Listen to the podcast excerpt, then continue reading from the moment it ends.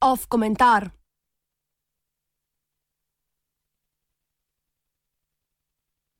Moč ulice in Twitterja, nekoč, nekoč in danes. Kot vidite za mano, gre za čisto pravo okupacijo, za odprtje novega javnega skupnega prostora, kjer ljudje v obliki različnih iniciativ, predvsem delavnic, intervencij, predavanj, pogovorov, skupščin, skušamo oblikovati neko močno družbeno opozicijo, ki bo onstran strankarskih in nacionalnih interesov skušala uveljaviti močno kritiko globalnega finančnega sistema.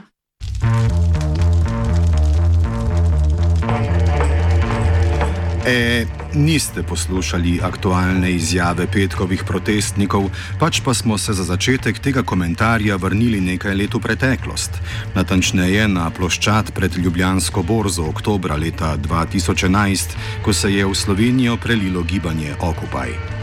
Gibanje je svoje bistvene elemente prevzelo od ameriških kolegov, od sloganov in organiziranih predavanj do skupščin, ki so izrekale kritiko globalnemu finančnemu sistemu in iskale alternativo. Borza, ok, ni bila ravno Wall Street, je bila pa simbolično proper lokacija, ki je omogočila, da so najbolj goreči protestniki lahko postavili šotorišče.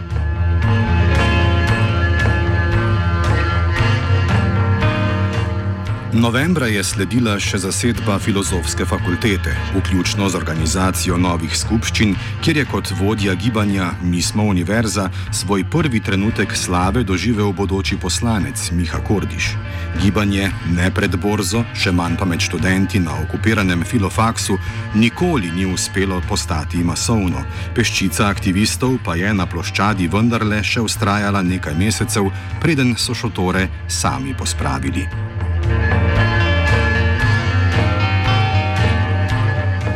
Ob koncu leta 2012 so protesti spet oživeli, najprej v Mariboru, nato Ljubljani in potem še po drugih mestih v Sloveniji. Takrat ni šlo več za proteste zgolj proti finančnim elitam in sistemu, pač pa proti najvidnejšim slovenskim politikom.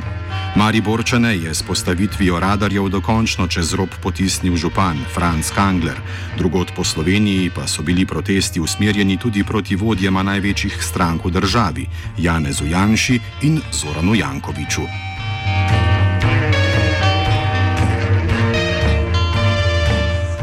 Tako gibanje Occupy kot kasnejše vstaje so v slovenskem prostoru predstavljali določeno novost.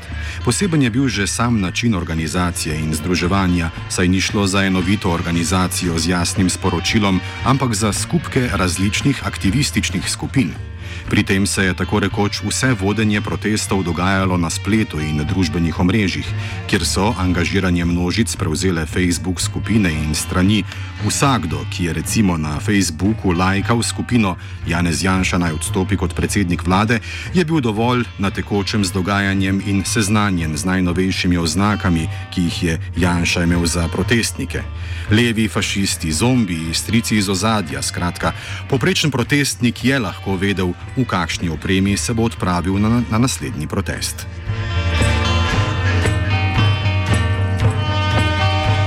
V gospodarski in politični krizi na vkljub je bil tiste čase med protestniki in opazovalci prisoten svoj vrsten optimizem. Najbolj optimistični komentatorji so v internetu in družbenih omrežjih videli orodje za družbene spremembe, povezovanje ljudi, možnost hitrega združevanja množic, možnost premika javne sfere na omrežje, kjer ljudje ne bodo več odvisni od poročanja pristranskih medijev, pač pa bodo lahko ustvarjali in iskali svoje neodvisne vire informacij.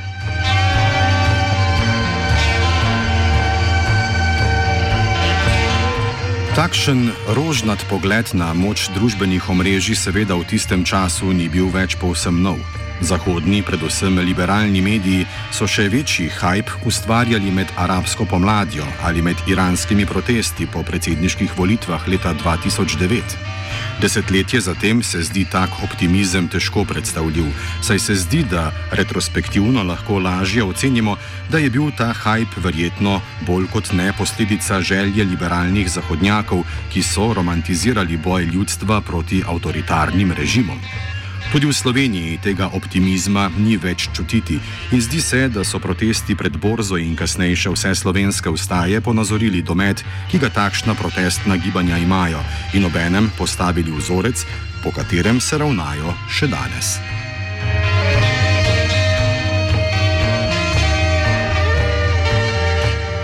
V središču gibanj lahko navadno prepoznamo manjšo skupino ali več manjših skupin najbolj prizadevnih aktivistov, ki organizirajo debate, performanse, skupščine, odprte mikrofone.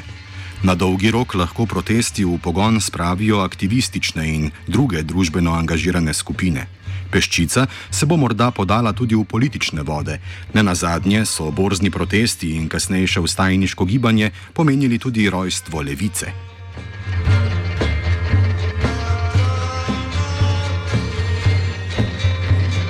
A moč oziroma množičnost udeležbe na protestih ni zares pogojena s tem, kako prepričljivo uspejo protestniki predstaviti svojo vsebino širši množici, ampak bistveno bolj s tem, ali za proteste obstaja povod, skupna točka, ki bi lahko združila večje število ljudi, ne glede na siceršnja razhajanja v pogledih.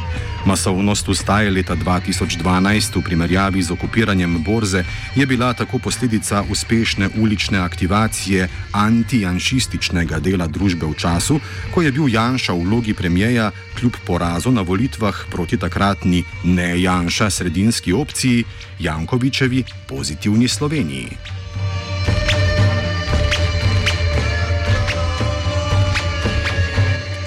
Podobno kot so letos to naredile maske, je takrat olje na ogen protestnikom prililo poročilo KPK, ki je Janši očitalo nepojasnjeno povečanje premoženja. Istočasno je zaradi neprijavljenih milijonov premoženja poročilo bremenilo tudi Jankoviča, ki je posledično odstopil od vodanja stranke.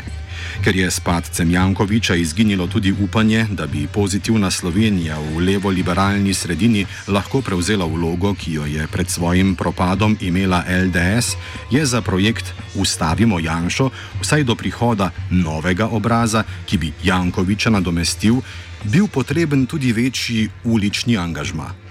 Ta je v najboljših dneh presegel tudi številko 20 tisoč ljudi.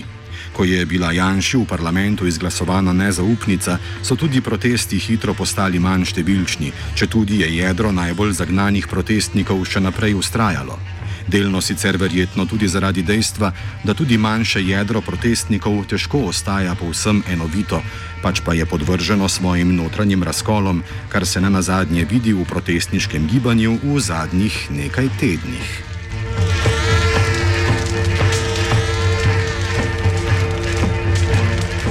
Ko primerjamo takratne ustaje z letošnjimi kolesarskimi protesti, je pomemben povdarek, da Janša z položaja predsednika vlade ni izrinila ulica, pač pa dejstvo, da so mu po poročilu KPK podporo odrekli v koalicijskih partnericah. Tudi letos lahko vidimo precejšen medijski pritisk, predvsem na stranki Desus in SMC, a česa podobnega ne gre pričakovati, saj bi vsaj stranka SMC s tem razglasila svoj dokončen propad.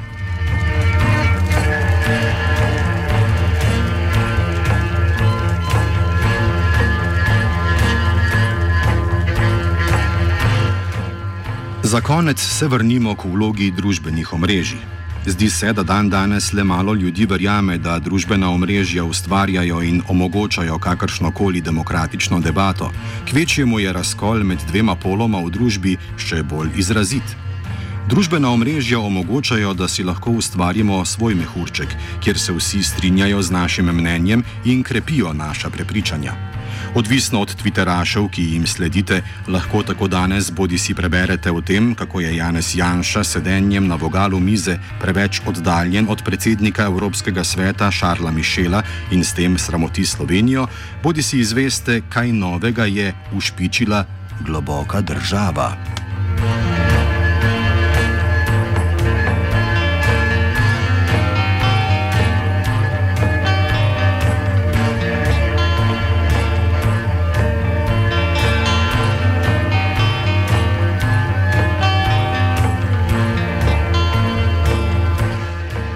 Se, da družbena omrežja kot orodje za ustvarjanje razkola in vzbujanje histeričnih reakcij strani drugega političnega pola najbolj uspešno razume in uporablja prav predsednik vlade. Samozavest, ki jo ima Janša glede podpore svoje volilne baze, je tako velika, da si lahko dan danes privošči pravzaprav kakršno koli, če tudi ksenofobno, rasistično ali pa zgodovinsko netočno provokacijo. Verjetno se zaveda, da je za interneta in ulice ali organizirane skupščine protestnikov ni tisto, kar bi ga spravilo ob ablast.